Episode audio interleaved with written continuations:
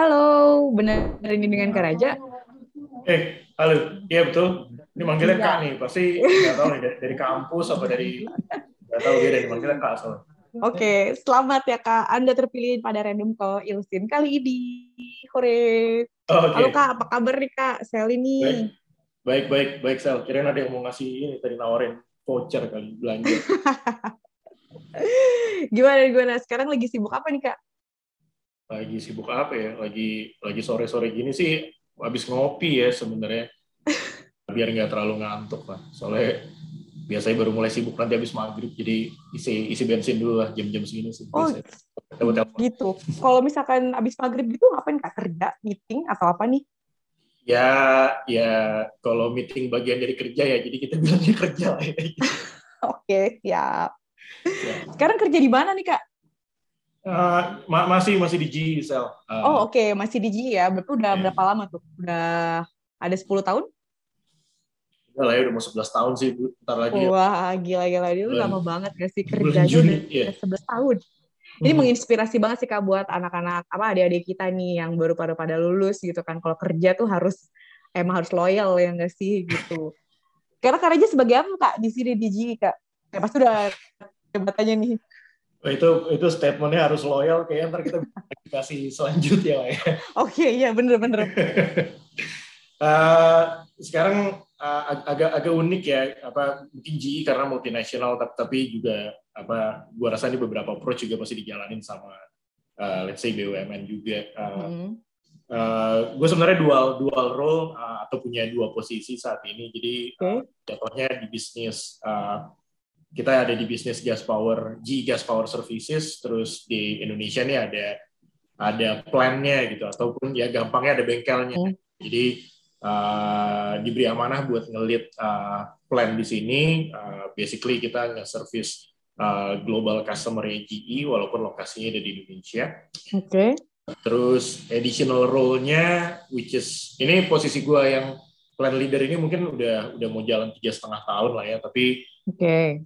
Dapat dapat additional role uh, pertengahan tahun lalu buat ngelit uh, Asia fulfillment dari uh, bengkel-bengkel ataupun pabrik-pabrik yang notabene sama kayak di Indonesia. Jadi kita ada ada lima, ada di Singapura, Hmm. di Indonesia, ada di Vietnam, ada di Jepang, uh, ada di Cina. Nah kebetulan uh, semenjak pertengahan tahun lalu dikasih apa ya amanah lah buat buat ngelit fulfillment ataupun eksekusi uh, untuk supaya mastiin barang-barang yang di service ini nyampe ke customer dengan dengan quality yang baik, kualitas yang baik, Gila. tentunya on time delivery yang baik.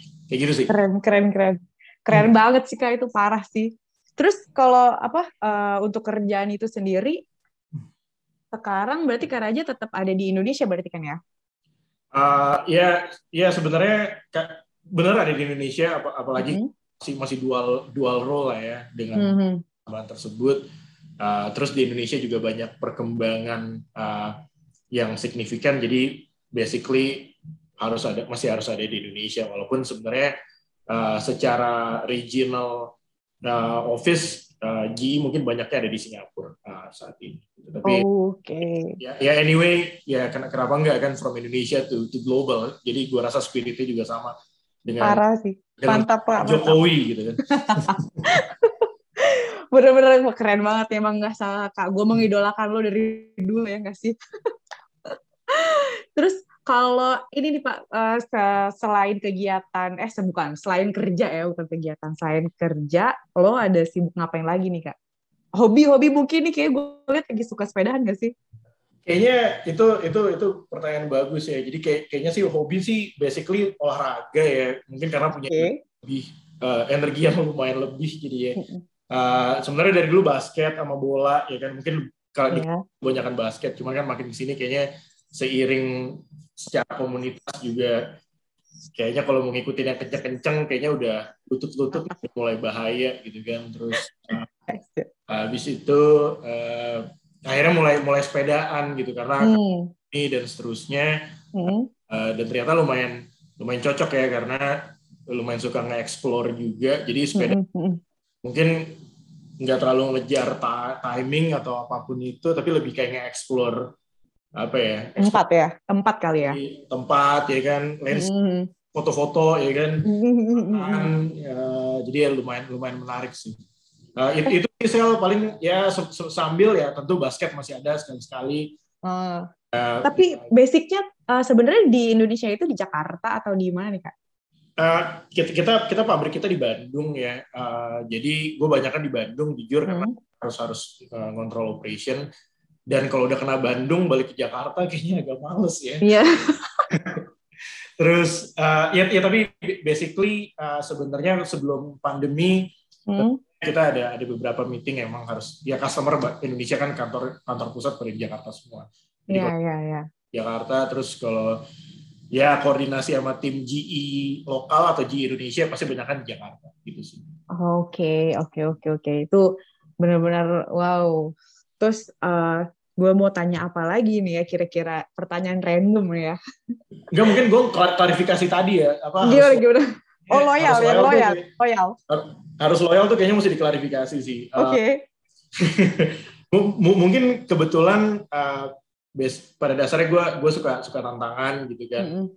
ya terus mungkin juga suka uh, hal yang susah daripada hal yang gampang ataupun de, de sistematis uh, mm. itu sebenarnya kalau boleh dibilang yang ngasih gue jadi agak betah di GE ya selama 11 tahun ke belakang karena uh, dengan segala macam apa branding yang mungkin kita mm. mungkin tahu tapi uh, when it comes to the reality ada aja hal-hal yang yang harus di di improve gitu. Jadi kayak jujur gue 11 tahun yang lalu waktu gue gabung pertama kali di GE uh, agak takut sih sebenarnya. Kenapa kenapa takut? Walaupun waktu itu gue ikut global global leadership program ataupun MT program GE global. Mm -hmm. uh, tapi waktu gue datang ke tempat ini di Bandung gue ngeliat kayak ini ini GE ya gitu. Jadi even even gue takut gitu dengan ini bener gak sih gitu loh. Gue salah hmm. kali ya. Hmm. Karena uh, dengan segala macam apa namanya all all the positive vibe about GE waktu itu gue nggak nggak ngeliat di tempat ini gitu. Uh, terus ya anyway professionalism uh, gue udah gue udah tekan gue udah sign kontrak dan ya mau nggak mau ya uh, gue harus harus harus tetap ngejalanin itu lah ya meng, meng apa yang udah udah udah kita tanda tangani. Jadi hmm uh, eh, gue jalanin global program even even orang-orang orang program aja tuh sampai nanya oh kita punya fasilitas di Indonesia gitu ya so hmm. uh, buat buat gue itu sebagai orang Indonesia gue ngerasa kayak kayaknya masa sih kita nggak bisa ngebuktiin gitu ya maksudnya yeah. although although we are in in the multinational company tapi uh, dengan mereka bilang oh kita ada di Indonesia gue jadi ngerasa sebagai orang Indonesia kayak ah mas nggak nggak bisa gini nih kita harus kita harus harus showcase kita kita bisa gitu loh so Yeah. So benar uh, gue benar-benar let's say um, merangkak bareng sama nih tempat karena jujur aja di tempat banyak banget masalahnya zaman dulu. Mm -hmm. Walaupun kita engineering company, secara sistem aja banyak banget yang harus harus harus diimprove. So gue along along the way uh, ngerapihin proses yang ada bareng teman-teman tentunya ya kan. Nah, nah itu gue selalu melihat sih waktu itu uh, balik lagi passion orang uh, beda-beda ya. Iya benar uh, apa rejeki ataupun apa yang kita dapat bulanan dari dari kantor itu kayak uh, bonus lah buat gue sebenarnya. Hmm. dapat adalah gimana ilmunya kan.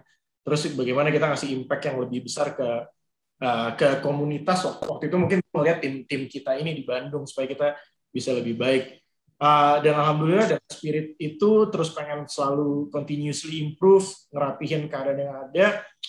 Uh, alhamdulillah nih tempat di Bandung tuh udah udah apa yang tadinya cuma kita nge-serve Indonesia customer sekarang uh, 90% customer kita dari luar Indonesia gitu dan oh. dan dan dan apa kapasitas kita itu bertumbuh uh, close to 10 kali lipat dari pertama kali gue join di sini. Oh. Jadi uh, ya ya anyway yang yang gue honor tuh sebenarnya lebih kayak uh, proses pembelajaran gue yeah, benar. Uh, terus juga uh, apa ya ngasih ngasih impact ke community ya kan dengan hmm. kita dapat lebih gede tentunya juga kita ngasih lapangan kerja yang lebih lebih baik juga ke ke hmm. hmm, hmm. sekitar ya kan terus in a way sekarang yang tadinya orang nanya oh kita punya fasilitas di Indonesia ya sekarang leadership di GE luar tuh lebih kayak apalagi yang bisa kita lakukan di Indonesia I think that's that's makes me proud about it uh, walaupun misalkan gue di GE instead of uh, bukan di BUMN ataupun mungkin perusahaan lokal. Yeah. Tapi anyway, gue cuma pengen ngasih lihat kalau kalau orang Indonesia itu juga juga juga bisa kok. Dan ya ya akhirnya gue dapet dikasih additional role ini buat basically ngelit fulfillment yang ada di uh, apa pabrik-pabrik lain yang ada di Asia juga. Gitu. Oh. At least so Gila so it's not about loyal ya kan. Iya, buat gue, buat gue kenapa 11 tahun gue ada ada ada di GE gue bisa dapat uh, hal yang bisa terus gue pelajarin uh, dari Benar, benar, benar. bulan ke bulan, even tahun ke tahun yang membuat gue jadi lebih baik sama bisa ngasih impact yang lebih besar ke community. Mungkin itu sih. Oh, oke. Siap, Gitu. siap, siap, Kak. Iya. Nah, kalau misalkan balik lagi ke sini, nih, kalau misalkan kita pick nih ya, pick one gitu, luck Hmm. atau persistensi nih, Kak. Sorry sorry apa? Sorry. Luck, luck atau persistensi. Mhm. Tergantung apa dulu nih, udah mau, mau ke mana arahnya? Ka- ka- karena karena karena gue bilang lo butuh dua-duanya gitu. Jadi Iya.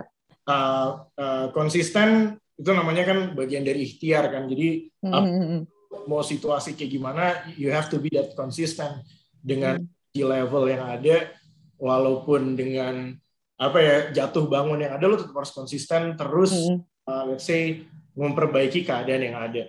Dan luck itu ya, gue rasa kalau kita balikin ke ya doa tadi kan kita ikhtiar, Iya. luck, luck itu gue rasa ada sesuatu yang mungkin kita nggak pernah tahu, ya kan? Terus tiba-tiba kita dapat kesempatan untuk itu. So if we only uh, apa ya uh, Ngandelin kekuatan diri kita juga nggak cukup. ya, ag- agak susah. Tapi kalau emang akhirnya uh, dapat luck terus ya itu artinya dia be- bejo gitu aja kan. Nah, berapa orang sih yang yang punya apa uh, let's say keberuntungan sebanyak itu. So So-. I think in in the real world uh, menurut gua lo butuh dua-duanya sih. Tapi konsistensi itu yang tetap paling penting karena uh, some- somehow lo mungkin capek, tapi kadang-kadang pas di saat capek itu sebenarnya luck lo itu malah datang gitu kan. Jadi Iya, benar, Kak. energi level, konsistensi level itu jadi penting. Makanya ya tanda kutip ya lo mesti balance juga kan selain kerja ya lo Hmm. pakai hobi lo ya mungkin gue Iya. bisa jadi itu yang bisa nge-balance uh, keadaan sih. Mungkin gitu ya. Oke, oke, oke. Tapi gue Hmm. masih nanya tentang karir nih, Kak. Kalau Hmm. menurut lo nih ya, apa sih yang penting dan nggak penting dalam karir gitu? Kayak misal, ya mau menggapai sesuatu atau kayak dalam menjalani sebuah karir tuh apa yang menurut lo penting dan nggak penting nih? Ini ini pertanyaan gua gua rasa balik lagi ke berbagai macam orang bisa jadi beda-beda ya. Even Iya. Bang Bang Iskar juga pengalaman yang lebih dari gua ya kan bisa bisa sharing lebih banyak tapi at least kalau kalau gua reflect ke ke apa yang udah gue jalanin uh, 11 atau 12 tahun uh, terakhir ini yang pertama uh, lo harus terutama mungkin pesan buat teman-teman yang baru lulus ya harus motivasi sel karena uh, di saat lo susah di saat lo jatuh di situlah lo belajar hal yang paling banyak sih gitu loh jadi Hmm. Uh, jangan takut buat dapet apa ya kadang-kadang orang suka ngomong ini bos gue kenapa ngasih kerjaan gue yang susah-susah mulu sih kok yang susah Hmm. dikasih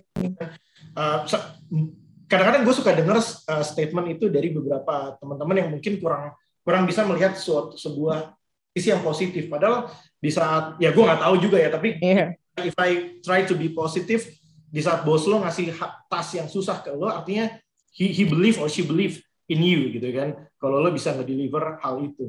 Uh, gue rasa hal yang susah jatuh bangun uh, tas yang berat itu ngebuat lo jadi pribadi yang lebih ready buat ngejalanin uh, tantangan-tantangan berikutnya ke depan. Maksud gue di saat kita ngejalanin tugas pengalaman satu dua tahun kerja orang udah bisa naker lah. Kalaupun lo ngejalanin terus lo fail ya itu hal yang wajar gitu loh. Karena Iya. satu satu dua tahun eh, sebagai fresh grade gitu loh. Salah adalah hal yang lebih baik ke depan. Tapi kalau lo mungkin udah pengalaman 10 tahun lebih gitu kan terus lo tiba-tiba salah jalanin ya itu berarti emang lo ada, ada sesuatu yang mesti lo improve dari sisi apa namanya eh, development skills lo ataupun cara lo me- menganalisa sesuatu dari dari scope kerja lo. Tapi buat teman-teman yang mungkin baru lulus eh, terjun ke dunia yang susah atau ke tempat yang jelek itu hal yang paling menurut gua hal yang paling uh, berharga sih nantinya. Karena kalau lo datang ke tempat yang udah bagus lo mau ngerubah jadi lebih bagus lagi itu susah Iya, benar.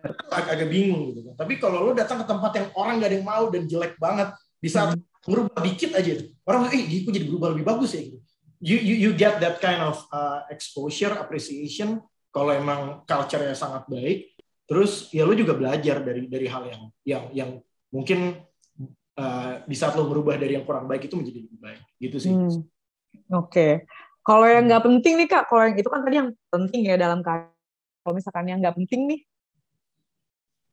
yang nggak penting ya yang nggak penting ya agak agak susah ya kalau kalau kita nggak penting mungkin mungkin yang nggak penting jangan uh, sorry ini mungkin mungkin uh, terkadang terlihat sepele karena nggak ada nggak ada matriksnya gitu hmm. yang hmm. gue yang mungkin ini jadi jadi penting tapi terkadang orang lihatnya nggak penting karena nggak pernah diukur yeah. mungkin yang pertama eh, nggak uh, usah inilah nggak usah terlalu pedulin orang apalagi kalau orang ngomong apalagi ngomongin masalah perihal yang hal-hal yang negatif ya yeah. yeah, udah ngomong hal yang negatif nih orang nggak mau maju aja udah mm. gitu jadi mm. cuma ngedumel nggak mau berubah menjadi yang lebih baik dan dan basically lo fokus nah itu nggak pentingnya karena kadang-kadang kita suka lupa gitu karena itu nggak nggak diukur mungkin dari kita bekerja apa performance kita kayak gimana sih gitu mm-hmm. uh, itu jadi jadi penting buat kita fokus ke diri kita untuk hal-hal yang nggak penting kayak gitu.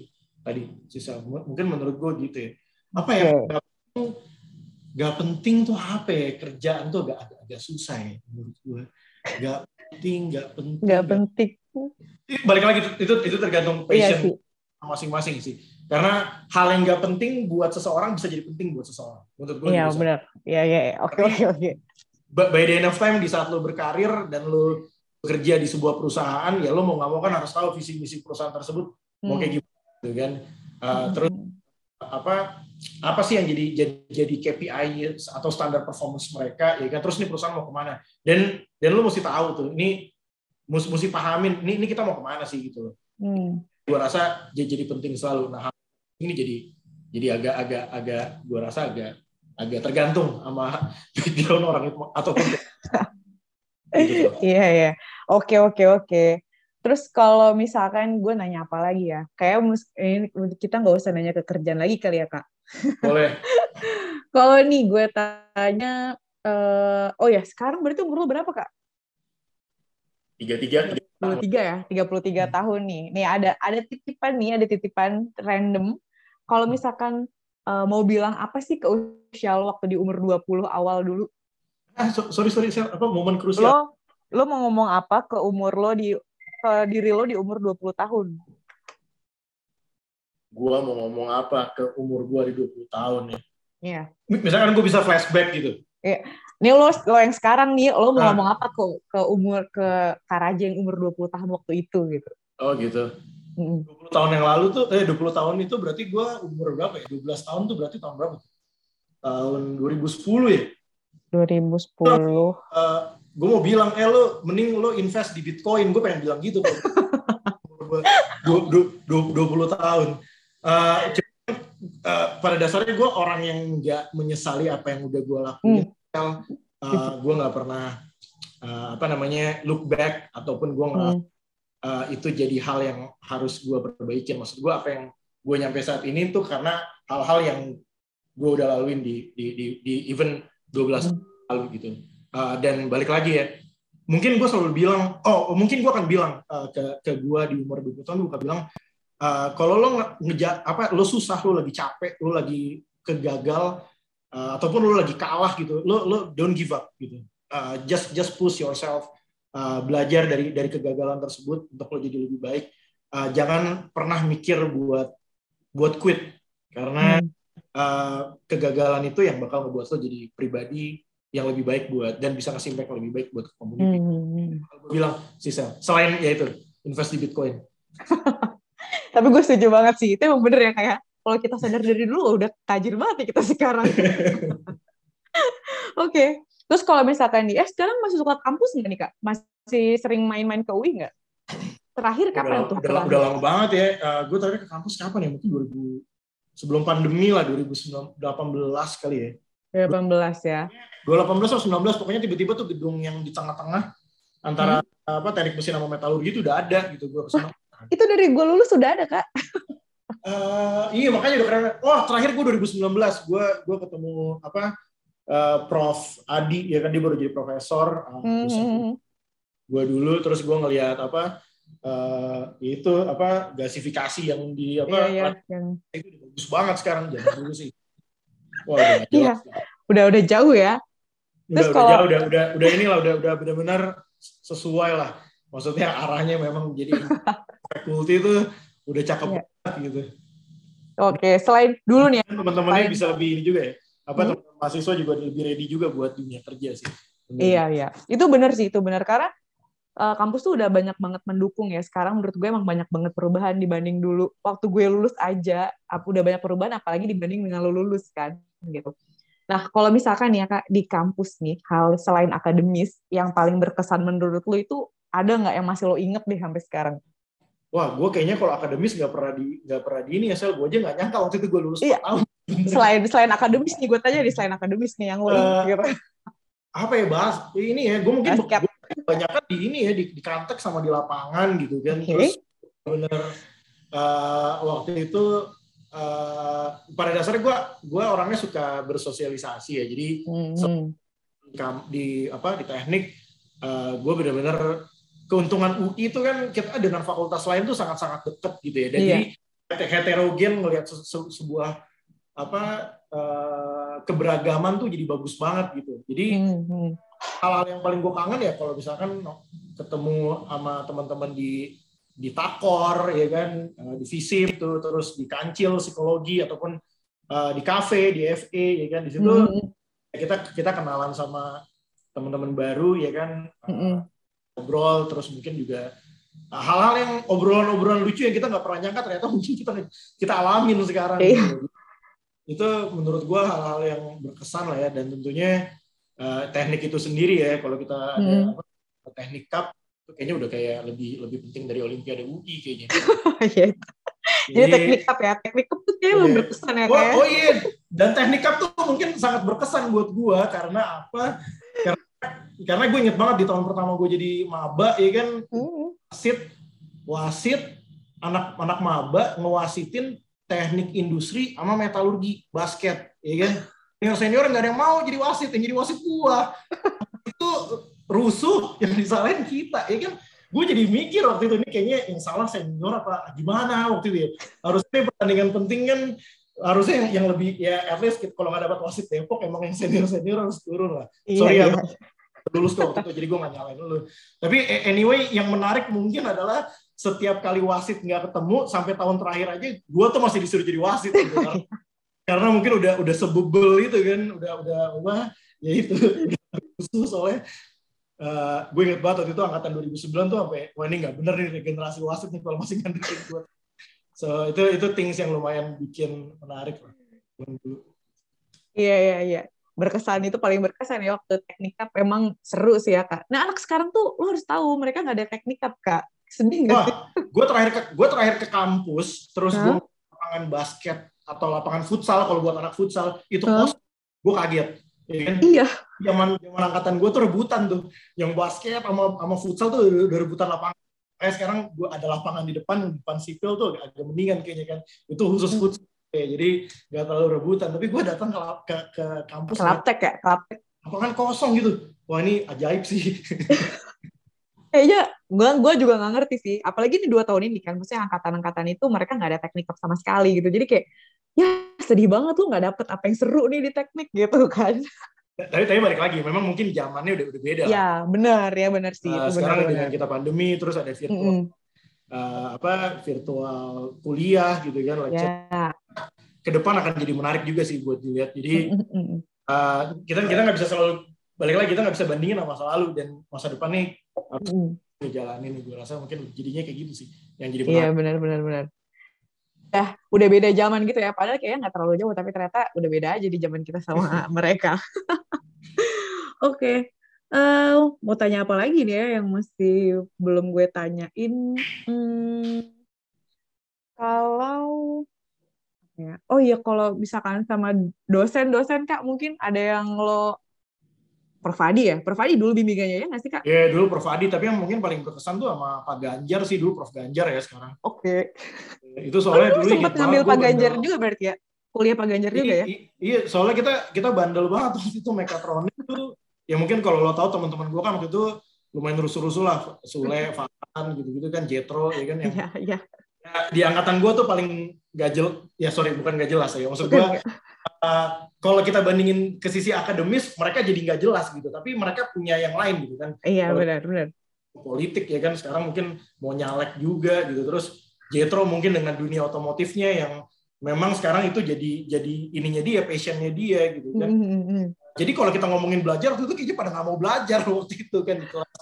So waktu itu mungkin yang paling berkesan sama Gan- Pak Ganjar eh, kita Patris nggak sih? Patris, lo dapet juga kan Patris? Patris sih ya. Cuman waktu itu mungkin yang menarik yang pas itu adalah eh, kita tuh bareng-bareng belajar mekatronik tuh karena gua gitu loh. Nah, kebetulan Oh, oke. gua tahu mekatronik tuh seperti apa dasar. Hmm, hmm. Di saat ujian ternyata cara gua nggak sesuai dan salah, gua tahu gimana cara gua ngerapiin ini. Nah, ini Oke. karena belajar dari gua mereka salah salah semua. Terus dipanggil sama sama sama Prof Ganjar dibilang lu udah nyontek nyonteknya salah semua dan sama gitu kan. Jadi mereka tuh dikira nyontek. Terus Iya. gua sampai sampai harus mengklarifikasi ke Prof. Ganjar "Eh, Pak waktu itu belum profesor Pak Hmm. mereka belajar tuh dari saya gitu. Eh, mereka mungkin nggak tahu cara ngutak ngutak ngutiknya jadi pas udah selesai ya udah dikirim dan akhirnya salah jadi salahnya bareng. Eh, sementara saya karena mungkin saya lebih paham dasarnya saya masih bisa eh, sama saya masih bisa benerin oh gitu benar pak benar pak gitu Eh, ya udah akhirnya dimaafin tapi karena stigmanya emang udah negatif kita semua jadi itu dicapnya langsung gitu Jasa nyontek ya, padahal enggak. bener It- itu itu lumayan berkesan banget sih Ya ampun, ada juga ya ternyata cerita kayak gitu. Gue pikir tuh hidup lo ya udah lurus-lurus aja gitu kak. Enggak, justru justru kalau lurus-lurus aja mungkin gua nggak kayak gini kali. So, Nggak. Enggak juga ya. enggak. Oke, terus em, pertanyaan mungkin terakhir bisa jadi atau mau ada yang mau ah enggak gini aja deh. Gue pertanyaan terakhir tapi nanti lo ngasih ini ya kak last statement ya. Pertanyaan Hmm. terakhir dari gue nih ya. Prinsip apa yang lo pegang dalam hidup? Serius nih serius. prinsip apa yang gue pegang buat hidup? Yoi. Gue suka banget sama kata-kata eh, apa namanya kata-kata pertama kali gue waktu masih jadi maba gitu kan. Hmm. Cuci otaknya dulu lah gitu kan. Hmm, Katakan hitam itu hitam, katakan putih itu putih gitu kan. Jadi hmm. so, so I think integritas tuh jadi jadi penting banget ya kan mau sepahit apa pun kenyataan eh, mau lo salah kayak gimana pun akuin lah gitu loh jadi eh, kegagalan apa pun itu hadapin gitu. Eh, harus percaya kalau pasti ada hikmahnya kok dari dari kepahitan ataupun kegagalan ataupun hal yang hal yang kurang pas tersebut gitu. Dan dan dan katakan yang sebenarnya gitu. Karena kalau kita ngomong yang baik-baik tuh ya udah udah enak lah. Pasti macam aja. Tapi kadang-kadang orang tuh selalu berat waktu di saat di posisi yang mungkin mereka harus mengakui sebuah kesalahan kegagalan eh, dan kadang-kadang jadi cenderung akhirnya berbohong gitu. Nah itu yang sebisa mungkin eh, integritas it- it- itu, jadi penting banget. Itu, itu jadi brand branding lu ya kan? Hmm. Eh, kalau emang karena di saat orang jujur walaupun eh, pahit orang apresiasi itu. Daripada lu bohong ternyata lu nggak let's say lu komit nih ke customer gitu kan. Janji pak tanya. Padahal sebenarnya kenyataannya lu tahu nih bakal nggak akan kayak gitu. Hmm, Dan- hmm. lost your your credi- credibility gitu loh jadi nggak dipercaya sama orang dan seterusnya. So so jujur walaupun pahit ataupun jelek itu itu jadi hal yang paling penting. Terus mungkin eh, ya tadi ya eh, jangan pernah nyerah lah ya dengan apa pun jalan yang ada karena di situ sebenarnya lu lu belajar banyak hal dari situ. Hmm. Uh, terus mungkin uh, ya apa ya yang yang terakhir ini uh, giving the impact to community lah ya. Jadi kayak di- buat gue di saat gue bisa kasih impact yang besar ke komunitas yang banyak itu bikin gue happy sih jadi some- some- somehow ya namanya rezeki mah ada aja jalannya ya tapi di, di saat ngeliat orang uh, terima kasih ke lu gitu kan Ya. Uh, karena lu, mereka bisa jadi lebih baik dan seterusnya I think uh, itu itu itu value the most sih menurut gua tiga hal itu sih so. Hmm. Oke, siap, mantap, keren banget kak. Oke deh ya, podcast ini kan bakal didengerin eh, sama seluruh anak mesin ya kan. Kalau misalkan lo mau kasih statement buat umur lo, seumuran lo ke bawah, itu lo mau ngomong apa, dan seumuran lo ke atas, lo mau bilang apa? menarik ya. Mungkin mungkin uh, mungkin seumuran gue ke bawah ya. Uh, jujur buat teman-teman yang baru lulus uh, ataupun uh, teman-teman ya gue nggak tahu mungkin generation millennials yang udah masuk ke Z ya. Hmm. Digital nih menarik banget ya kan. Uh, 4.0 transformation ini menarik banget. Uh, karena kemarin gue sempat beberapa kali diundang buat sharing lah ke teman-teman uh, yang masih kuliah juga gitu. Uh, terkadang mungkin gue ngelihat opportunity buat giving the impact to community atau bahkan negara kita ini itu bukan di kota-kota gede kayak Jakarta, yeah. Bandung dan itu lagi ya. Gue melihat banyak banget hal-hal yang bisa kita buat lebih baik tuh dengan digital 4.0 ini gitu. Uh. Hal simple gue ngeliat kayak kayak kita ingat banget masih belajar tuh dulu nama kita Indonesia tuh negara agraris gitu kan ataupun hmm. negara maritim gitu. Uh, eh, gue selalu entah kenapa gue belum pernah kalau punya kesempatan gue pengen nyentuh ke sana sih tapi gue selalu melihat pertanian, perkebunan dan kelautan itu adalah hal yang kita masih bisa banyak kasih kontribusi sih. Jadi uh, dan itu biasanya orang kan lo ke daerah jadinya ya.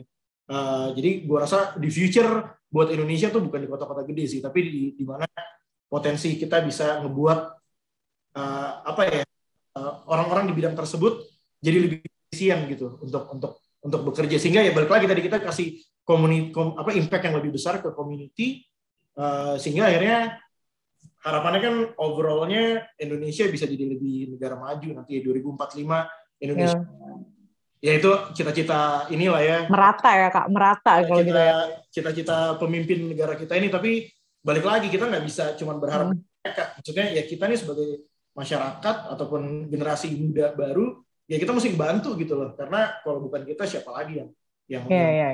ngebantuin itu. Terus mungkin buat buat yang udah yang senior senior yang di atas gua ya uh, gue yakin mereka punya connection yang lebih lebih dari kita pengalaman yang lebih dari dari gua dan teman-teman yang mungkin di umurnya di bawah kita sharing lah gue rasa uh, hal-hal yang mungkin uh, ya gue mungkin bukan bukan sharing connection aja tapi lebih ke sharing pengalaman mereka gitu karena hmm. Hmm.